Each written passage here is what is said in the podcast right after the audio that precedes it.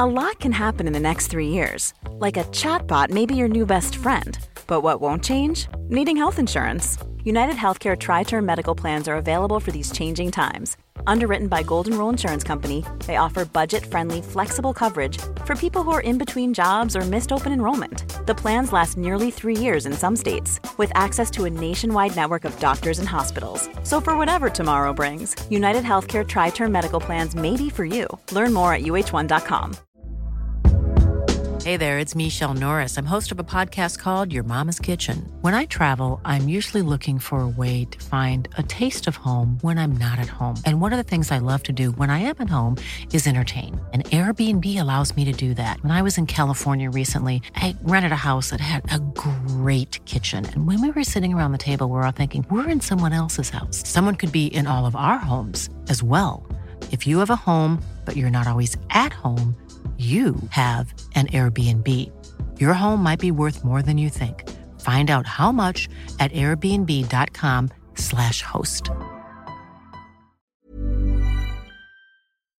Systrarna Elvstrands hästpodd är producerad av Mediahouse by RF. Hej på er allesammans. Alltså jag kan knappt starta den här podden på ett normalt vis för att jag och Emma vi har flummat oss lite här innan. Bland annat sjungit på en gammal goding YouTube-video. Ja, ni kanske är några som är i vår ålder som kommer ihåg, jag tror filmen heter Äter frukost eller något sånt där. Mm. Om vi hittar den så kan vi länka den i beskrivningen. Men det är en tjej som, visst är det extremt inzoomat på hennes ansikte.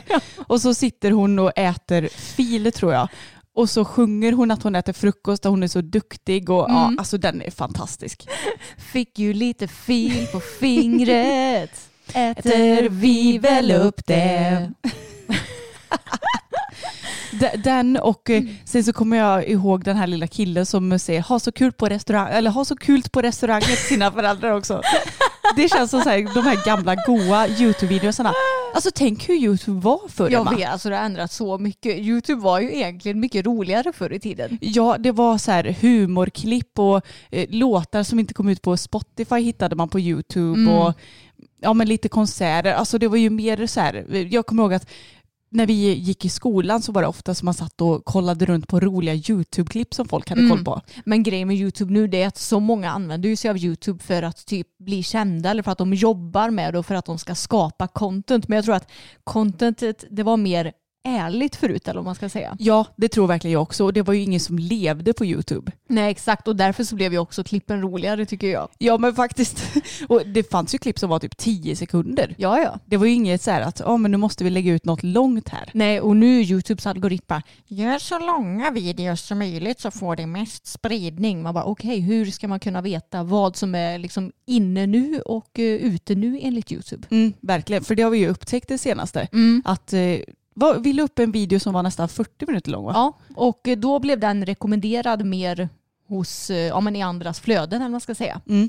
Det, det är så konstigt att veta hur eh, man ska gå tillväga med YouTube för det känns som att den där algoritmen ändras hela tiden. Det gör den verkligen. Och nu kanske det är lite motsägelsefullt att vi tycker att det är tråkigt att YouTube ändras för det är ju trots allt delvis vårt jobb. Ja det är det och nu så har ju vi släppt vår vloggvecka dessutom. Ja, alltså det tog inte så lång tid att komma upp i 50 000 Nej, prenumeranter. det, vet du vad det var som gjorde det? Nej. Det var ju att vi, eh, vad ska man säga, vi teasade med att min kille ska synas i en YouTube-video Ja, om vi kommer det. upp i 50 000.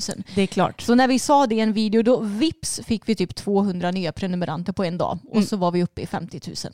Ja, så vi vill ju passa på att säga även här i podden, tack till er som prenumererar på vår YouTube-kanal. Ja, stort, stort tack. Vi har ju haft som mål att få 50 000 prenumeranter länge och det känns helt sjukt att vi har det för vår kanal är ju verkligen 100% inriktad på häst. Ja, och jag kan inte ens föreställa mig 50 000 personer framför mig. Nej, inte jag heller. Tänk, tänk om alla skulle ställa sig i en klump. Ja, nu är ju det corona då så det går ju inte nu. Skojar.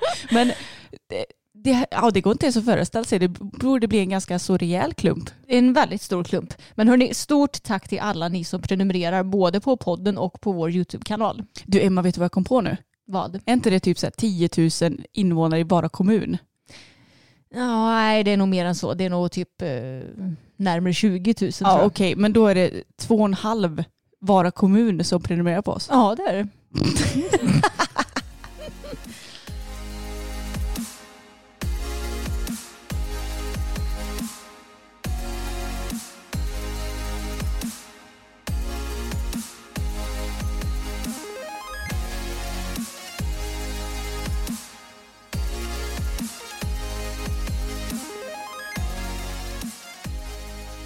Ja, men från ett litet flummigt intro då till eh, lite annat snack förhoppningsvis. Alltså jag tycker det här är så himla roligt med poddandet för att man får liksom säga det som poppar upp i skallen. Mm. Vad har du i din skalle? Nej men jag tänker att vi måste ju dra en liten uppdatering om gymkillen ifrån förra veckan. Ja just det. Ja, för eh, ni som lyssnar på det avsnittet vet ju om att vi hade problem med en kille som städar så fasligt mycket på gymmet och att han städar typ en halv meter ifrån en. Och ni som följer oss på Instagram har ju sett att vi har uppdaterat lite där på story och lagt ut bevis på hur när han faktiskt städar. Så tyvärr, det har inte blivit bättre än ja, förra poddavsnittet. Men jag har också förstått att det berott på att eh, platschefen på gymmet, hon tog fel kille. hon trodde att jag menade en annan kille när jag berättade vem det var som städade. Så. Så nu har hon eh, fått reda på vilken kille det är. Hon har fått reda på den rätta killen. Så nu så ska hon nog prata med honom tror jag. Ja men hur var det nu sist när han var så nära och ställde dig? Betedde du dig som ett djur då med eller? Nej, alltså jag tog verkligen upp, för när jag tränar överkropp så brukar jag stå i cablemaskinen och eh, då kan man sätta upp liksom en övning på ena sidan och en annan övning på andra sidan. Så då tar jag upp den och så såg jag att nu ska han städa så då ska jag ta upp den hela jäkla tiden när han är här. Så då stod jag där, tog upp plats. Sen hade jag gjort en övning där jag verkligen tar upp hela cablemaskinen och sen så ställer jag mig upp och kör axelpress med vikter i händerna. Men då kommer ju han och skurar och han skurar runt mig när jag står och lyfter upp och ner mina armar och gör axelpress. Så kommer han med den där jävla lilla skur... eh, Vad heter det? Moppen. Skurmoppen och moppar runt mina fötter. Liksom. Och det var ju samtidigt som jag liksom drog upp och ner mina armar och tog i. Ja, så jag, jag bara, jag kan inte säga åt honom nu, sluta! Men alltså jag fattar inte hur jävla mesig du är. Nej men jag är konflikträdd säger jag. jag. Jag ska inte behöva säga åt honom det för han ska vara så pass smart att han fattar att man inte beter sig så. Men när ska du förstå att alla människor inte är lika fantastiskt underbart smarta som du är Eva? Märk min ironi här också. Ja fast du talar ju ganska mycket sanning. Nej men alltså så här är det va. Att när man är i offentliga utrymmen och på offentliga platser då får man lov att öppna käften ibland. Ja. Mm, så är det. Och det var inte så länge sedan som jag var på ICA och som det var en eh, dam som ställde sig väldigt nära mig bak. Och då sa jag ursäkta, sa jag. Och så backade jag lite mot henne och då fattade hon vinken. Så att man, man behöver inte, du behöver inte ställa dig din jävla jubelidiot kan du fan lägga av och sk-" Alltså man behöver inte skälla på honom. Du kan bara säga kan du snälla hålla avstånd. Eh, Jaha. Ja, Ja men du är ju lite kaxigare än mig och drygare än mig så det är ju lite mer naturligt för dig att göra sånt. du, jag, jag är faktiskt inte lika kaxig och dryg längre. Jag var ju mycket värre som tonåring. Kaxiga lilla Anna var det som tonåring. Mm. Ja jag får se. Om han inte förbättrar sig till ja, nästa vecka då får jag ju ta tag i det. Ja. Och när, du, när det är i stunden så är det ju mycket enklare att säga till honom än att säga till typ efteråt. Jo att, jag vet. Hörru du, det, är- det är ju bättre när det väl sker att så här, du kan du hålla lite avstånd. Det är faktiskt eh, corona som råder just nu.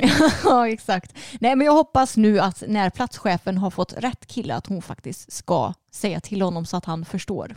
Så att det blir rätt person som får sig en känga. Nej, det hoppas jag inte att han får. Men Men nog snackat om vårt problem med gymkillen. Vi får ju som sagt hoppas på att det löser sig. Anna, du var ju och tävlade fokus nu i helgen. jag var ju det. Och ni som följer mm, ja, men både mig och eh, systern Elfström på sociala medier och oss på YouTube vet ju hur det har gått. Men eh, jag tänker att det är klart att vi ska avhandla tävlingen lite grann i podden också. Tycker jag. Ja, och eh, det var så härligt för dagen innan så gjorde jag ordning honom lite granna. Så jag tvättade hans ben och jag eh, tofsade hans man faktiskt, vilket alltså han blev så fin. Tyckte du inte det? Jo, han blev väldigt fin. Ja, och då var han superduper lugn, stod bara lugnt och snällt på gången och inga så här stressgrejer utan ja, men han var supercool och det var härligt att känna för att vi stod där i över en timme och eh, vi släppte ändå ut Tage och Boppen under tiden som han stod där och han blev inget stressad och jag tänkte bara gött. Mm, han brukar ju ändå bli väldigt stressad när andra hästar lämnar honom. Precis, han, Men nu var det ingenting. nej för han har väl ganska dålig alltså vad ska man säga, själv... Ständighet. Ja, för han gillar inte att vara själv. Och han är lite så matte. ja. gillar inte att vara ensam. Nej. Nej, men eh, så det kändes väldigt skönt och det kändes ändå ganska så här peppigt inför dagen efter. Men sen så kom dagen efter då och jag hade packat in i transporten och allt sånt och gick och hämtade fokus. Och jag kände direkt att huvudet var liksom högt upp i stallgången och han var stressad och kändes bara inte riktigt närvarande. Jag bara, ja ja, men det här löser sig väl sig ändå. Och han bajsade liksom fem gånger tror jag innan vi hann och lasta och eh, man såg att han skakade lite grann som ett asplöv och jag Mm. tänkte fasen vad tråkigt att han är så stressad men så tänkte jag att ja men bara vi kommer iväg och gör det vi ska så tror jag att han kommer lugna sig sen. Men problemet var att han gjorde liksom inte riktigt det. Han kom inte riktigt till ro utan han var ganska så stressad och spänd hela dagen och väldigt så här, jag vet inte vad det beror på om det är adrenalinet som gör att det pumpar runt så, så att de skakar eller vad det nu är. Mm, jo men det måste det vara. Mm. Så det kändes, alltså den biten kändes riktigt tråkig om jag ska vara helt ärlig. För att på senaste tävlingen så kändes han så himla lugn och när vi var i Götene sist. Men å andra sidan så är det ju så här med honom att det går väldigt upp och ner och det är ju utmaningar att jobba på hela tiden så att jag ska försöka inte se för hårt på det. Men det kändes som ett litet bakslag ändå liksom. Men han var superduktig ändå på själva tävlingen. Så jag är supernöjd över hur han eh, presterade. Så vi hoppade 80 och 90 i Mariestad och i 80-klassen så lyckades vi till och med bli placerade. Mm, fokusen har knipit sin första riktiga placering nu. Ja, det är helt sjukt. Och det var så härligt att känna för att han var ju lite ba- mer bakom skänkel mot vad han var i Götene för då Mm. hade han mycket mer egen energi och sådär. Och även i Essunga, vilket är jättelustigt för jag tänkte att det här kommer nog bli enklare i ridhus för att han brukar överlag vara mer koncentrerad i ridhus. Mm, men tror du inte att det beror på att ute har han ju dels mer plats på sig så han kan galoppera på och sen Mariestads ridhus det är inte direkt inbjudande för att få hästarna att ta för sig utan tvärtom så är det liksom ganska trångt och väggarna och hur det är uppbyggt gör att det, liksom, det blir väldigt mycket tryck och sen så var det lite tittheter också. Jo, det kan i och för sig vara sant. Åh, nu ser jag Boppen rulla sig utanför fönstret. Nej, men det var säkert eh, mycket intryck som gjorde att han blev lite bakom skänkel. Men hur som helst så tog vi oss runt felfritt hela banan och lyckades ändå vara så pass snabba att vi blev femteplacerade. Ja, det var verkligen grymt jobbat. Mm. Och det är så kul för även om han var väldigt spänd innan som sagt så inne på banan så är det ju det är aldrig några problem med hindren. Man märker ju så tydligt på honom att hindren inte är några problem längre. Och det har ju ändå varit hindren som, ja men när vi köpte honom så tyckte ju vi att det var det största problemet liksom. Ja, det är ändå lustigt för nu tycker jag att det är Allt annat. Ja, precis. Han, han är ju väldigt, alltså han är ju duktig på att hitta saker runt omkring som han ska koncentrera sig på istället för att vara här och nu med mig. Eh, så att det är ju egentligen det som vi jobbar på allra mest. Men eh, banan kändes ändå bra, även om jag tyckte att han kunde haft lite mer, alltså jag skulle vilja att han varvade upp lite mer. Mm. Så att man hade lite mer eh, motor bakifrån. Men samtidigt så är han ju ridbar och det var inga konstigheter att komma på hindren och vi fick de galoppsprången mellan de relaterade avstånden som jag hade tänkt mig och så. Så att jag var ändå väldigt nöjd med rundan även om det är såklart mycket som kan förbättras. Så ja, vi knep alltså femteplatsen där och eh, sen så lastade vi in honom i transporten igen och det var inga konstigheter. Han gick på ja, men ganska så fort och att tilläggas var ju att han gäspade efter sin runda också. Mm, det gjorde han. Så det är ju ändå ett bra tecken på att han smälter saker och ting. Så att det blir jag glad över. Men sen så lastade vi ut honom till 90-rundan när vi hade käkat lite lunch och gått banan och sådär. Eller lite lunch, vad säger jag? Lite mellanmål. och sen så red jag fram honom till 90-klassen och han var fortfarande liksom lite darrig och inte riktigt med mig. Men kändes ändå okej på framhoppningen och sen så på banan så var han om möjligt ännu lite mer spänd och ännu lite mer seg. Ja, det syntes väldigt tydligt för mig som känner honom. Jag såg när jag filmade att han var segare än till första klassen. Han tittade lite mer på alltså, grejerna runt omkring. Men även här så var ju inte själva hindren några problem. Nej, och det är så himla skönt och jag tror att jag måste intala mig själv lite mer att nu är inte hindren problemet utan nu måste vi hitta varandra i markarbetet. Och det gick bra på hinder nummer ett och hinder två och hinder nummer tre. Och mellan hinder nummer två och tre så var jag tvungen att rida på lite för att vi skulle få de sex galoppsprången som var planerat. Och efter att vi landade efter hinder nummer tre så snävade han in ganska mycket och jag var inte beredd på att han skulle svänga så snävt. Så Därav så red jag lite dåligt och vi fick ett stopp på hinder nummer fyra för att det var vinklat eh, mot väggen lite mera. Så att jag egentligen skulle ha ridit ut vägen lite mer och snävat upp. Ja men du förstår vad jag menar. Ja, Det låter konstigt men ni som ser filmen ni kommer förstå exakt vad jag menar med det här. man kan ju sammanfatta det som att du kom i helt fel vinkel på hindret för att du red ut vägen för mycket. Precis och egentligen så hade det nog inte varit något problem om jag bara hade ridit, ridit lite mer. För jag Nej. tror att jag slutade rida Ja, lite det grann. syns också väldigt tydligt på filmen. För om du bara hade hållit om med skänken så är jag övertygad om att han hade hoppat. Men det ser ut som att du ger upp lite liksom. Ja, men det blev nog lite så. Och jag är ju fortfarande inte van vid tävlingssammanhang med den här hästen och det är mycket som vi behöver träna på och mycket som jag behöver förbättra så att det är egentligen inget konstigt. Och han har ju mycket enklare för att skjuta ut sin vänsterbog och springa iväg åt det hållet.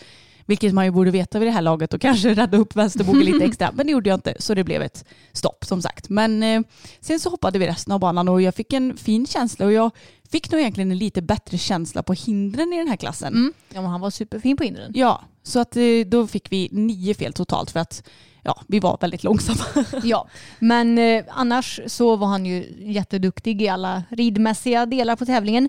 Men sen så fick vi problem när vi skulle hem med honom. Åh, och jag sa det till honom att nu är det nästan så att den här placeringen och hur han har skött sig på tävlingen, det är nästan så att det är skitsamma för att nu blir man så trött. Och det tog ju en och en halv timme för oss att få på honom på transporten. Mm. Och det är ju så här att han lastar sig själv väldigt snabbt hemma. Inte när vi ska på, iväg på tävling för att då känner han säkert av att nu är det något på gång och nu ska jag prestera och att det blir lite annorlunda sinnesstämning ja, men från min sida. Och då är det klart att han blir mer spänd och inte vill gå på släpet och sådär. Men nu när vi skulle hem så kände jag bara, ja ah, men gött, nu, nu är det bara det här kvar. Nu ska vi bara lasta och sen åka hem. Och sen så vägrade han verkligen att gå på transporten. Mm, och eh, han blir ju lite nästan apatisk och det går ju knappt att göra någonting åt sådana hästar. Nej. Så det var väldigt jobbigt för oss. Jag hade, Jalle han satt liksom och väntade här hemma på att jag skulle komma hem och jag bara, ah, så tar det en och en halv timme att få på hästen. Då blev jag också eh, liksom irriterad och besviken. Liksom. Ja, det är klart man blir det och det blir ju jag också såklart. Och man blir frustrerad över att hästen inte bara kan, kan gå på transporten för att man vet ju liksom att vi ska åka hem nu. Det här är det sista du ska göra. Men jag tror att det blev lite för mycket för honom med två klasser och att han fick gå in i transporten emellan och sen gå ut igen och sen prestera en gång till och sen så kanske han blev lite så här, ja men ska jag gå på en gång till och sen så ska det bli en klass till eller vad är det som händer härnäst? Ja, men jag tänker att det kanske är bäst att hoppa en klass i framtiden i alla fall. En bit eh, framöver, eller man ska säga. Mm, jag tänker det också så att vi gör vårt och sen har vi presterat klart. Ja, för uppenbarligen så är ju som sagt inte hindren något problem eller banan utan han går ju bra i första klassen på varje tävling har han ju gjort hittills. Precis, så att det känns som att vi kan nog bara tuta och köra med det. Och sen så har vi ju som sagt ganska mycket mentalt kvar att jobba på uppenbarligen. Men alltså, allt kan inte falla på plats på en gång, även om man hemskt gärna vill det.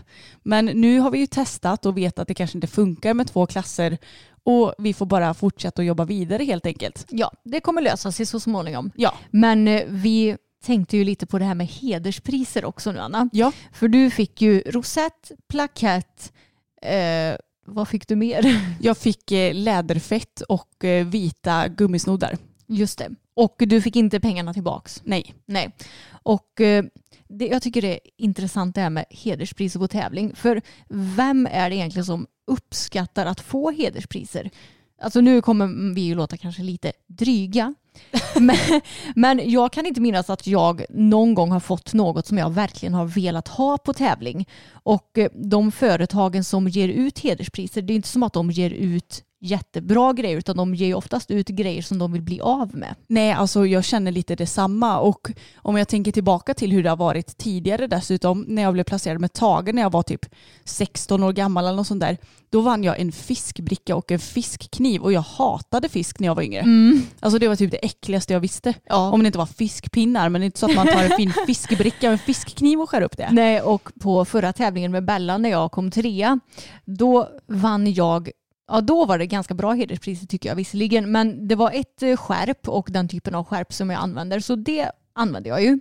En borste och sen så var det en kokbok som heter typ Grilla med Niklas tror jag. Mm. Och grejen är att jag äter ju liksom, jag, de enda kokböckerna jag har nytta av det är veganska kokböcker. Mm. Så den var ju ingenting som jag kunde använda heller.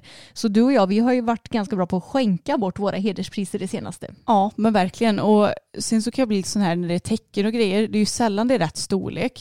I synnerhet på två av våra hästar har 165. Ofta är det ett 145 täcke. Ja, då är det Tage som får ha det täcket då om vi vinner något sånt.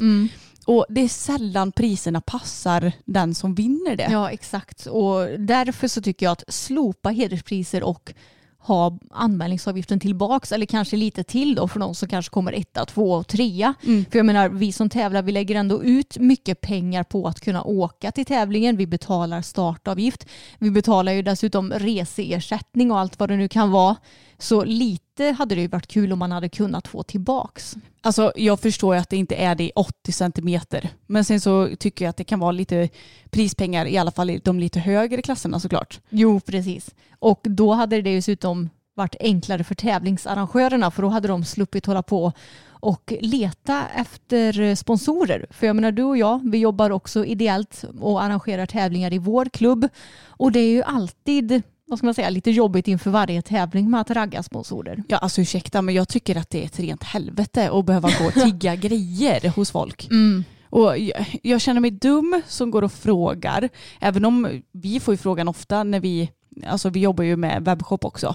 Och då får vi ofta frågan dit om vi inte vill vara med och sponsra täv- diverse tävlingar och sånt. Och det är ju inte så att man bara, "Åh, vad jobbig den är som kommer och frågar utan då får man ju bara säga ja eller nej liksom. Ja. Så det är inga konstigheter men ja, man känner sig så dum bara och det är sällan folk som vill vara med och sponsra också. Ja, och jag förstår det. För som sagt, vi driver ju en egen webbshop som heter Hästhuset. Och jag menar, det ger oss ingenting att sponsra tävlingar med våra priser. För det, det är ingen som bryr sig om vart priserna kommer ifrån. Jag har ingen aning om vem som, eller var, var, vart dina priser kommer ifrån till exempel som du vann nu. Vet du det ens? Ja det vet jag. Ja, okej. Men jag har ingen aning om vart priserna kommer ifrån som jag vann med Bella. Alltså man har inte koll på det och man bryr sig inte när man vinner. Och speciellt inte ja, men som vår webbshop till exempel. Vi säljer ju många olika sorters märken och olika sorters grejer som kanske säljs i andra webbshoppar eller åtminstone liknande produkter.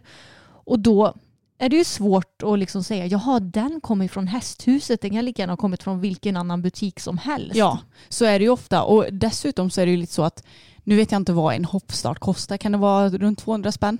Ja. Något sånt. Och då ska ju egentligen priset vara 200 kronor. Mm. Så att då, och då med rosett och plakett inräknat dessutom. Mm. Så jag menar vad för skit får man för typ 50 spänn? Nej men 100 spänn. Alltså Mm. det, är ju, det är ju inte så mycket. Nej. Så att det, jag tycker verkligen att hederspriser är så Ja, det känns som att kan vi inte komma ifrån det lite grann och köra prispengar eller anmälningsavgifter tillbaka istället. Ja, jag håller med. Och sen så är det samma det här med rosett och plakett tycker jag. Alltså plaketter tycker jag är en helt onödig uppfinning och jag tycker att det känns ganska mossigt om jag ska vara helt ärlig faktiskt.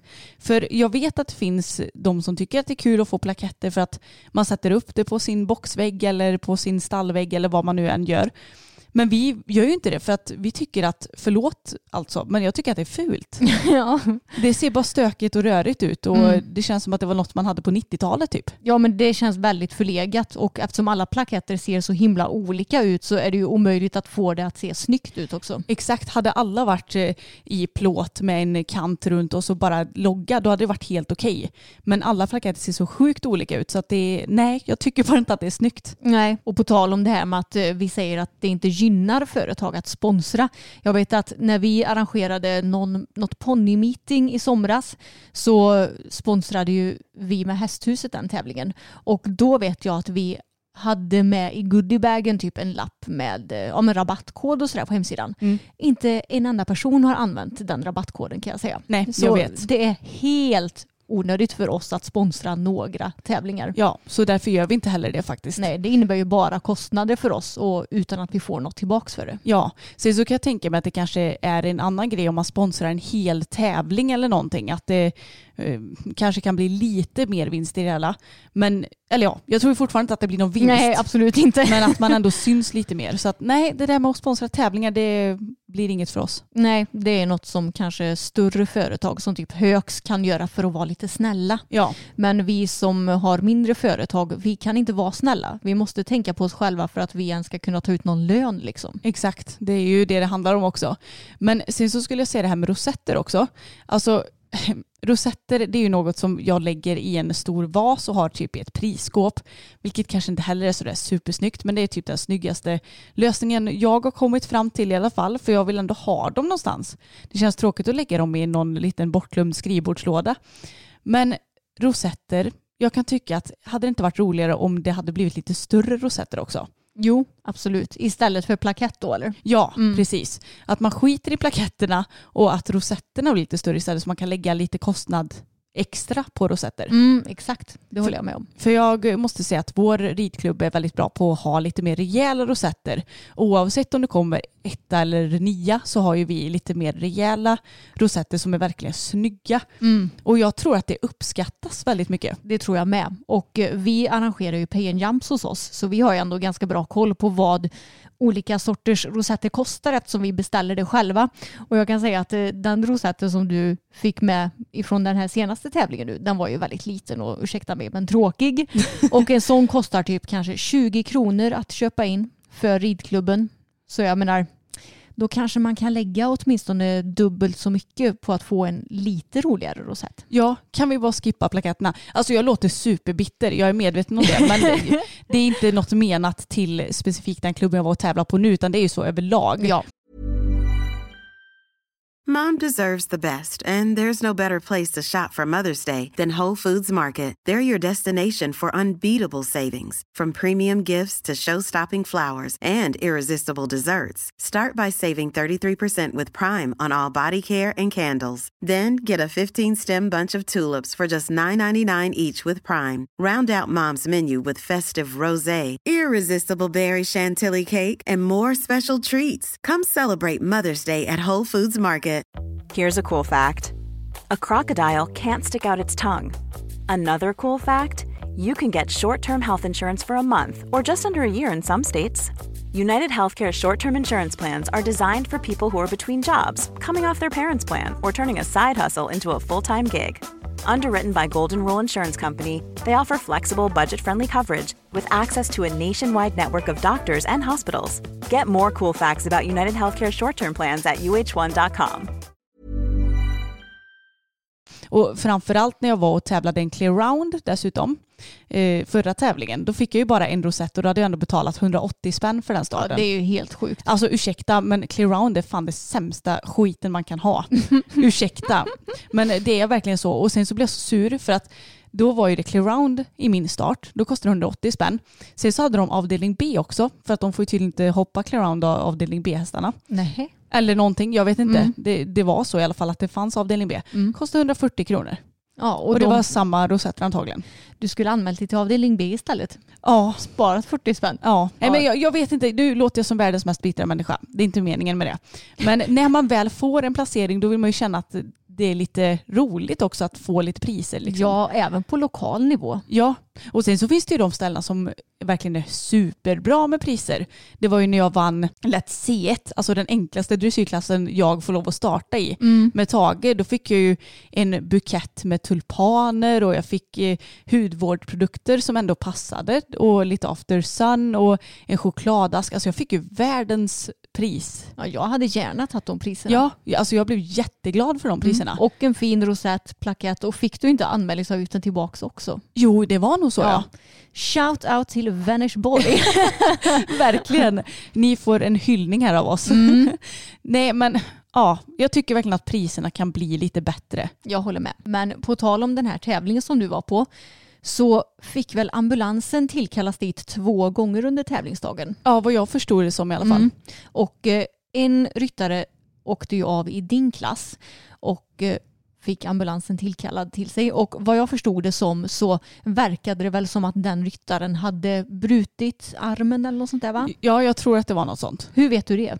Ja, men jag tror att det var någon som sa det till mig. Ja, Så jag, jag ska inte säga att det här är 100% sant. Nej. Men sen så blev jag också tillsagd att det var ett prio 1-larm. Mm. Och det innebär väl att det är väldigt, väldigt, väldigt allvarligt och att man tror typ nackskada, någon allvarlig hjärnskada, att det det händer ganska Ja. rejäla saker. Alltså det, det känns, så? det känns inte som att en bruten arm eller ett brutet ben borde vara prio ett. Nej. För jag har ju, eftersom eh, ni som lyssnade på förra avsnittet vet ju om att det tog tre timmar för ambulansen att komma till mig när jag eh, inte kunde röra mig. Och det finns prio ett, prio två och prio tre när det kommer till ambulansen tror jag. Har du så bra koll alltså? Ja, och jag var ju prio tre då uppenbarligen. Eh, men prio ett var jag väl till exempel när jag flög av Abbe och eh, blev medvetslös och var helt borta. Ja, då kom de ju superfort. Ja, precis. Men jag och Anna diskuterar lite det. Att det händer ju ändå ganska ofta på hästtävlingar att ambulansen tillkallas för att man har trillat av och till exempel tror att man har brutit en arm eller ett ben. Mm. Och jag vet inte om det är andra människor som är inom stationstecken mesiga eller om det är vår familj som är helt dumma i huvudet. för, för vår mentalitet eller så som vi har vuxit upp så är det ju man ringer inte ambulansen i onödan. Mm, och vi har ju ändå, jag, jag har ju brutit en fot en gång. Ringde inte ambulans utan ringde taxi som kunde köra in mig till sjukhuset. Jag fick sitta där och hålla i mitt ben för att det gjorde skitont och dessutom så hade jag ju typ vridit till knät också så jag fick hålla i det så att det inte ja, men gjorde svinigt ont. Och det hade ju kanske varit lite enklare med en ambulans men eh, det tänkte vi att nej det kan vi ju inte boka upp en ambulans bara för det här lilla. Nej, och mamma för var det förra året som Ja, jag hon tror det. bröt foten eller fick en spricka i den. Hon gick i flera veckor utan att ens kolla upp det. Ja, alltså mamma, om du hör det här, nu får du skärpa till dig. Lite mer sjukhus, eh, vad ska man säga, man, måste ju söka vård lite oftare. För hon skulle gå ner för en trappa och nedanför trappor så kan det finnas sånt här gallerskrapa som man kan skrapa av smuts och sånt på. Såg, hon såg inte den, så att hon trampade snett på denna och föll till marken och fick ju superont såklart. Men jag tror hon väntade i, ja det var nog i alla fall från, nej okej, vi, vi, jag tror inte det var två veckor, men jag tror att hon väntade Drygt från fredag till typ tisdagen eller någonting innan Jaha. hon sökte vård. Ja. Och eh, när jag bröt min överarm så liksom vi var i Herrljunga och då flög jag av och det var inte så att ja, den kanske är bruten utan att benet stack liksom ut så där, den var bruten och det gjorde pissont. Nej, då fick jag ju liksom försöka få hjälp upp av eh, de andra människorna där. Vi fick lasta in hästen, alltså boppen, åka tillbaks till Vara, vilket tog en halvtimme. Väl där fick mamma skjutsa mig till Lidköping, vilket tog ytterligare en halvtimme. Så jag åkte ju liksom in till akuten. Och eh, det, från att jag åkte av till att jag fick smärtstillande var typ fem timmar. Frågade inte de dig varför du inte tog ambulans? Jag vet inte. Men jag tycker ju att en bruten arm eller ett brutet ben kanske inte är något som du måste ta en ambulans för. Om jag hade flugit av på tävling och känt att eh, jag har brutit ett ben eller en arm, då hade inte jag bett om att ringa ambulansen, utan då hade jag försökt få hjälp ut och sen tagit mig in till sjukhuset själv. För det är ju väldigt störande när ambulansen tvingas tillkallas på tävlingsplatser för det stannar ju upp allting. Ja, och det är klart att det ska ske om det verkligen behövs, men det känns som att det många gånger, det har jag varit med om förr på tävling dessutom, att det också varit typ en bruten handled och då kan jag bli så här, men snälla människa, du Bit kan, ihop lite! ja, du kan ju kliva av banan själv. Alltså, ja. åh, nej, så lite, det är ju klart att det är jobbigt för alla inblandade. Mm. Och det måste ju vara jobbigt för den som har skadat sig att ligga kvar där och vänta på ambulansen fast att det kanske inte behövs. Nej, alltså har man slagit i huvudet rejält eller misstänker att man har skadat ryggen eller nacken, det är klart att man ska ringa ambulans då. Men inte för en bruten arm eller ett brutet ben, då tycker jag att det går att lösa på ett bättre sätt eller man ska säga. Ja, Och eh, det ska tilläggas också att vi kommer ju från en eh, som sagt mentalitetsfamilj där pappa har inom citationstecken sagt så här. Så länge hjärtat slör och man kan andas så ringer man inte till ambulansen. Citat Hans Elfstrand. Ja, och vi, alltså jag tror ju att vår familj är lite extrem för att vi söker ju inte vård förrän det verkligen, verkligen, verkligen, verkligen behövs. Nej, Lite så. Och det det kanske inte heller är helt rätt. Men jag tror att man behöver finna en bra balansgång där.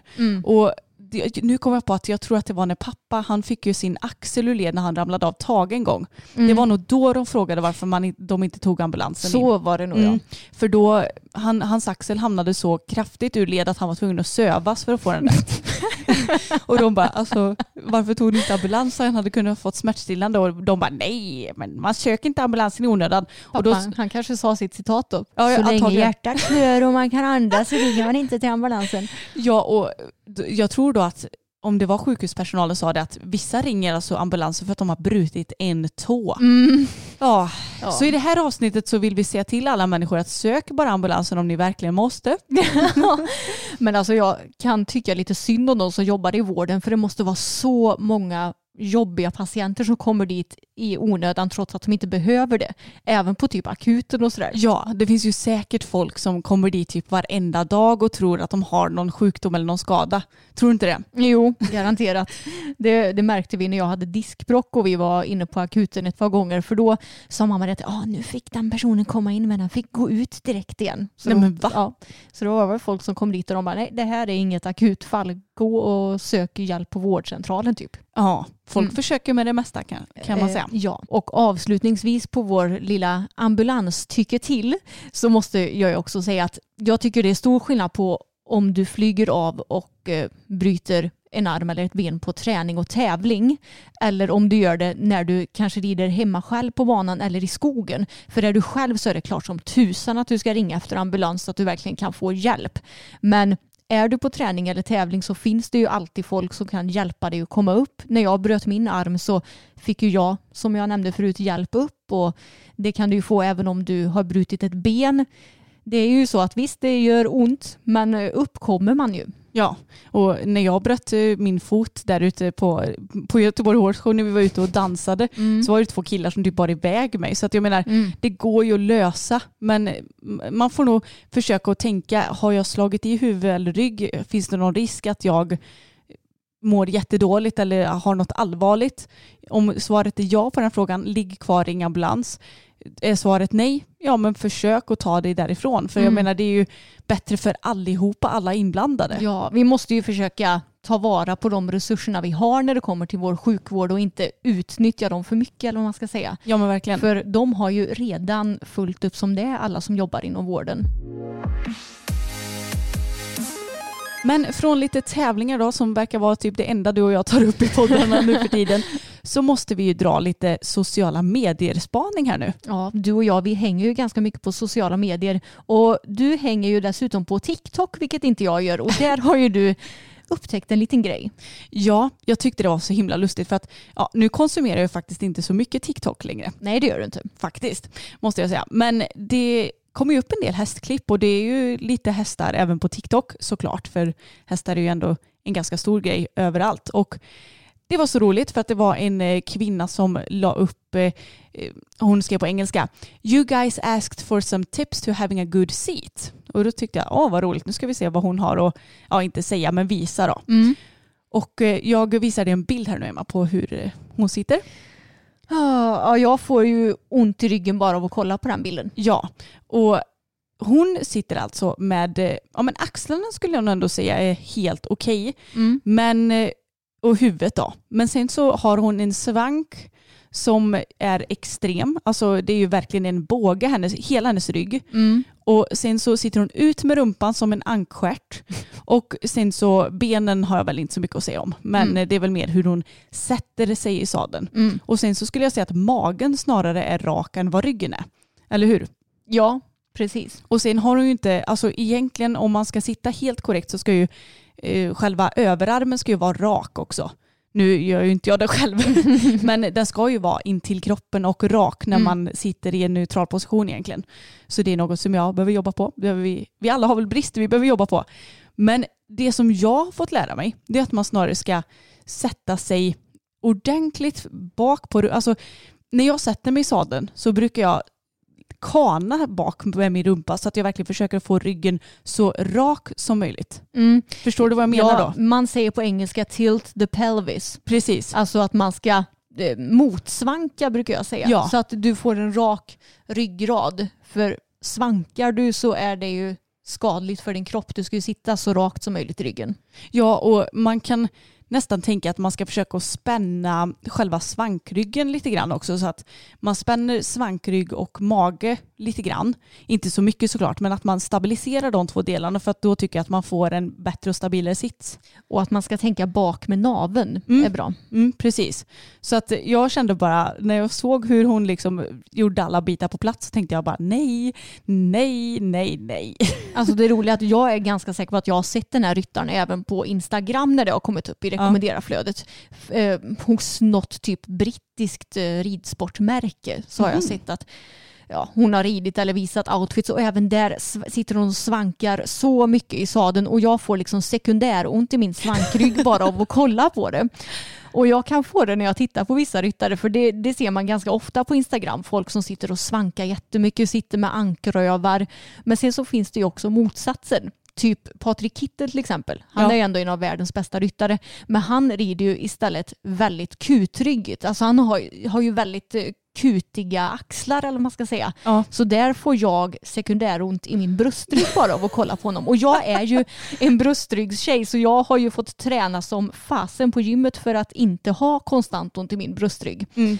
Så eh, för mig, jag, jag får lite så här ont i magen av att titta på vissa för att eh, jag tänker nej, nej, nej, stackars kropparna. Ja men precis. Och egentligen så det funkar väl uppenbarligen för de sitter väl som de sitter då. Men nej, man ska ju försöka vara så himla rak i ryggen som man bara kan. Och se, det som jag kan få lite sekundära ont av det är folk som sitter och nickar i takt med traven så här. Dong, dong, dong, Får du sekundäront i nacken då? Ja, Mm. För jag har lite problem med min nacke, att jag kan vara lite stel och så. Och då känner jag bara, men stackars nacke, för att man, då tar man ju hästens stötar i nacken. Ja, exakt. Du ska ju ta dem i höfterna och det som ändå är lite gungigt. Mm, precis. Men det som är kul med det som du visar på TikTok, det var ju att den här personen hon gav ju ut tips på hur man ska sitta ner Ja. i sadeln och visar ju en helt felaktig sits. Mm. Och folk kommenterar bara, åh du sitter så fint, tack för tipsen. Och jag tänkte bara, nej! Ja men det är det som är problemet. Folk tror att man sitter fint för att man sitter och svankar svinmycket. Ja, Men det är ju totalt fel. Och om jag som har en väldigt stor röv dessutom en extra svängd ryggrad enligt läkare, vilket de har sett på röntgen. Om jag kan sitta hyfsat rak i min rygg, då kan alla göra det skulle jag säga.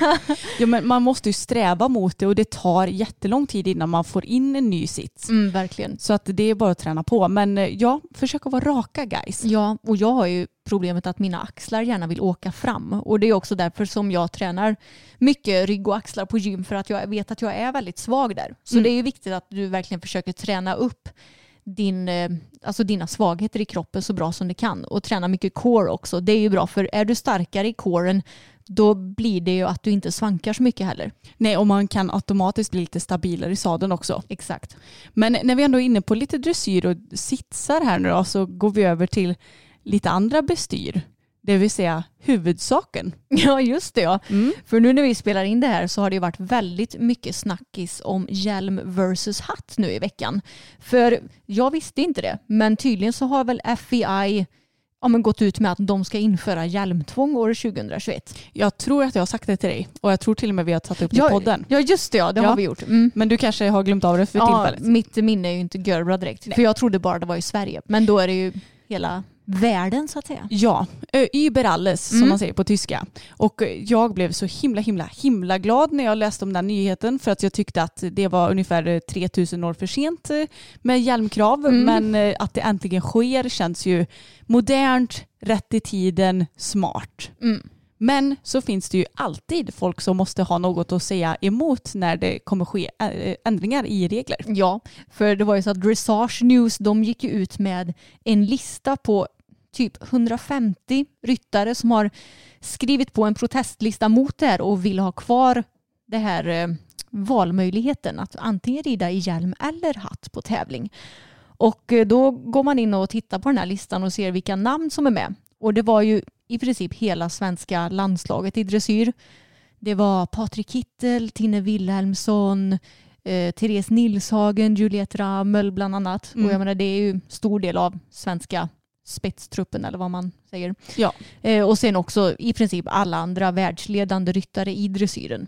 Ja, och det var ju många som kom med eh, argumentet att det har inte hänt något på tävlingsbanan som har eh, gjort att ja, men det har inte hänt någon så stor olycka att det behövs egentligen. Nej, det har inte gjort det än nej. Men Nej. bara för att det inte har hänt än ska vi inte införa ett hjälmkrav tycker ni? Ja, alltså det är så löjligt så det finns inte. Och dessutom dressyrhästar är väl typ de absolut räddaste hästarna som finns i världen. Ja, Jag menar på GHS, man får inte ens gå in och ut från banan under tiden ryttarna rider. Och hur många gånger har man inte sett ryttare som när de har ridit klart programmet och det börjar jublas i publiken och de tar av hatten från huvudet och höjer upp den i luften. Hur många gånger har man inte sett att hästarna blir typ rädda då och sprättar iväg? jag vet. Och hästar som hoppar över dressyrstaketen och det var ju någon som hamnade typ på rumpan och sen åkte av och det gick tack och lov bra med den här personen. Kommer jag jag, är 100% säker på att jag har sett en film på, jag minns inte, är det Isabelle Wert eller Anki van Grundsen Ja. eller sånt där, när hon flyger av när hon har på sig hatt efter en ritt är det väl? Ja, är det inte då den hoppar ut från banan typ och hon Jo, hamnar bak, ramlar baklänges? Ja. Alltså hade den sparkat då så hade hon varit tvärdöd. Exakt, och folk påstår att det inte har hänt några olyckor. Ja, nej det kanske inte har hänt några olyckor där någon har dött. Nej. Men ska det behöva ske? Ja, jag fattar inte. Nej. Jag, jag tycker det är så dåliga argument bara och eh, dessutom är hatt svinfult. Ja, Alltså det, är så, det, det enda jag kan komma på som kanske möjligtvis ska ses som en liten fördel det är att det säkert är enklare att fixa frisyr under hatten eftersom att den inte sitter så långt ner. Men seriöst, tävla med tofs om det är så svårt att göra en frisyr under en, eh, under en hjälm istället för hatt. Eh, och jag tycker det är så intressant för jag förstår inte varför vi- vissa ryttare var med på den här listan. Typ Katrin, Katrin Dufour. Mm. Jag har aldrig sett henne tävla i hatt någon gång men hon står än, ändå med på den här listan. Ja, alltså man funderar ju vad anledningen är till att hon har skrivit på. Ja, vissa kanske har skrivit på bara för att de vill vara vad ska man säga, inställsamma mot den resterande eliten. Jag vet inte. Nej, jag vet inte heller men eh, det är helt klart en besvikelse att se. Det är ju vi unga dessutom som verkligen ska trycka för att ha hjälm tycker jag. Mm, verkligen. Och nu är det ju majoritet äldre personer som har skrivit på den här listan. Ja. Så jag tror i och med vår generation och de yngre så kommer ju det helt och hållet att försvinna. För jag, det finns ju ingen i vår ålder, förutom Katrin Dufour då kanske, som tycker att det är en bra idé att man fortfarande ska få rida med hatt. Nej, och jag tycker att vi kan väl klä av oss mossan och köra på lite mer moderniteter. För jag menar, nej men det finns ju ingen anledning till varför det skulle vara bra med hatt. Och dessutom så är det väl väldigt mycket bättre att visa alla yngre och, och äldre för den delen också att det är hjälm som gäller när man rider. Ja, Vi vill ju inte att någon ska ta efter och ha att rida utan hjälm. Nej, och eh, de argumenten som kommer ifrån de personerna som tycker att det ska vara valfritt det är ju dels att eh, det är inte vi som ska uppfostra era barn och det är ju som du sa förut, det har inte hänt någon stor olycka och vi är vuxna människor, det ska vara valfritt. Man bara, ja men snälla det här är en idrott där vi sitter på djur som väger typ 600 kilo där vi befinner oss ett par meter upp i luften och det är väldigt oberäkneligt vad de här djuren kan göra. Det är klart som fan att vi ska ha hjälm på oss. Ja, och sen så fortsätter vi. Det är tydligen mycket dressyr som vi alltid får spaning på. Av någon anledning. Ja, men det känns som att eh, hoppryttare överlag är lite mindre knussliga så att det kanske är därför. Men eh, jag fick syn på en bild där en person hade kandar och alltså dubbla på ett då alltså. Och samtidigt hade en eh, nosgrimma med aschenrem. Och det här tyckte jag var väldigt konstigt för att först så, först så såg jag inte ens att något såg konstigt ut men sen när jag tittade lite närmare så bara, men vänta nu. Här är ju faktiskt en aschennosrem med kandar. Och det är ju nämligen så att när kandartrends säljs i butik så säljs de ju alltid utan aschenrem. Mm. För att man får inte ha det så. Och nu vet jag knappt ens varför men det är väl antagligen för att man inte ska stänga igen munnen mer eftersom det är dubbla bett och det tar mycket plats. Och jag har väldigt dålig koll på bett eftersom vi överlag rider på väldigt enkla bett. Men jag kan tänka mig att hävstången kan bli lite kraftigare om det blir något motstånd från aschenremmen eller? Låter det logiskt? Eh, ja, kanske. Ja, jag vet inte varför det inte får vara så i alla fall. Men det får inte vara så på tävling. Men då blir jag så förundrad när jag ser en person ha det här på Instagram, lägger upp det som om det inte är något konstigt. Och jag kan tycka det är så märkligt när man gör någonting som helt uppenbart är förbjudet. Mm. Nog för att det inte finns några regler för vad du ska ha på din häst hemma, för att du får väl vara hur, hurdan djurplågare du vill tänkte jag säga. Men jag tycker bara det är så konstigt när man har det. Alltså vad är anledningen? Fick den här personen några kommentarer om det då? Nej, Nej. det är det som är så himla märkligt också. Mm.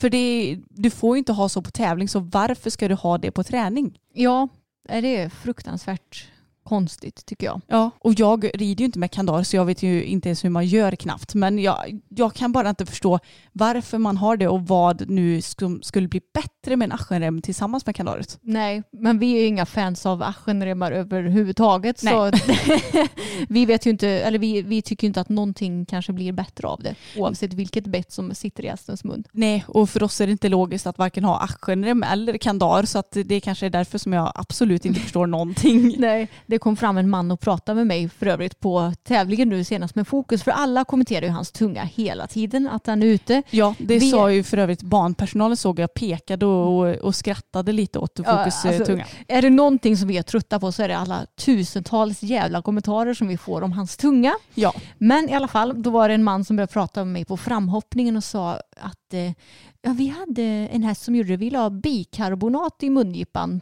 på, eller ja, där den tog ut tungan. Och då ville han inte göra det längre. Okej. Eh, ja, det är väl för att det ska vara äckligt då. Han kanske tar in tungan. Och sen sa han också, har ni provat att sätta på en eh, snokrem? Och jag bara, ja, vi vill inte ha det typ. Ja. Mm. Alltså, jag tycker dels att det är lite störigt att man ska behöva förklara sig hela tiden. Men också så kan jag bli så här att ska jag lägga bikarbonat i hans mungipa? Ja, det kanske, det kanske hjälper att han inte tar ut tungan då i, i sinom tid. Men hur kul är det för honom då att behöva smaka på något äckligt varje dag innan han för, inser att eh, om jag gör det så får jag smaka på något äckligt så jag får la inne den här tungan då? Mm. Jag, jag vet inte. Nej. Jag, jag, det är inget jag tänker prova i alla fall. Nej, men vi är ju inte så mycket för tvång du och jag. Nej. Utan vi vill ju ha en bra harmoni med våra hästar. Ja, och jag känner verkligen att det spelar ju ingen roll vad jag gör för jag kan ju rida på lösa tyglar och ut i sin tunga. Mm. Så att jag menar det är inte så att jag sitter med en hård hand som gör att han tar ut sin tunga och vill motverka mina handrörelser. Nej, Så att ja, ja, det är inget problem för mig bara. det, det är tur att jag har sadlat dem till hoppning nu med honom för det spelar ingen roll om den är ute eller inne. Nej, jag vet, men jag kanske ska göra en dressyrstart hyfsat snart så får vi väl se om det blir fler kommentarer om hans lilla tunga. Ja. Ja, men det känns som att de flesta avsnitt nu för tiden det är att vi ragear loss på olika saker Emma. ja, men den här veckan kändes det som att vi hade nästan extra mycket. Ja, men det är ju så. Vi är två tjejer med mycket åsikter så därav blir det väl lite så här också. Ja, jag tror det med. Tänk vilken tråkig podd det hade bara, bara varit om vi hade hållit med om precis allting. Ja, precis. Däremot håller vi ju med varandra väldigt mycket. Ja, Men det är ju för att vi har ju samma värderingar när det kommer till det mesta. Så det är klart att då blir det så. jo, så är det ju. Men eh, hoppas att ni tyckte att det var ett roligt avsnitt att lyssna på. Glöm inte att prenumerera på podden ifall ni gillar den för det uppskattas väldigt mycket från vår sida. Ha det så bra hörni så hörs vi igen om en vecka. Det gör vi. Hej då! Hej då!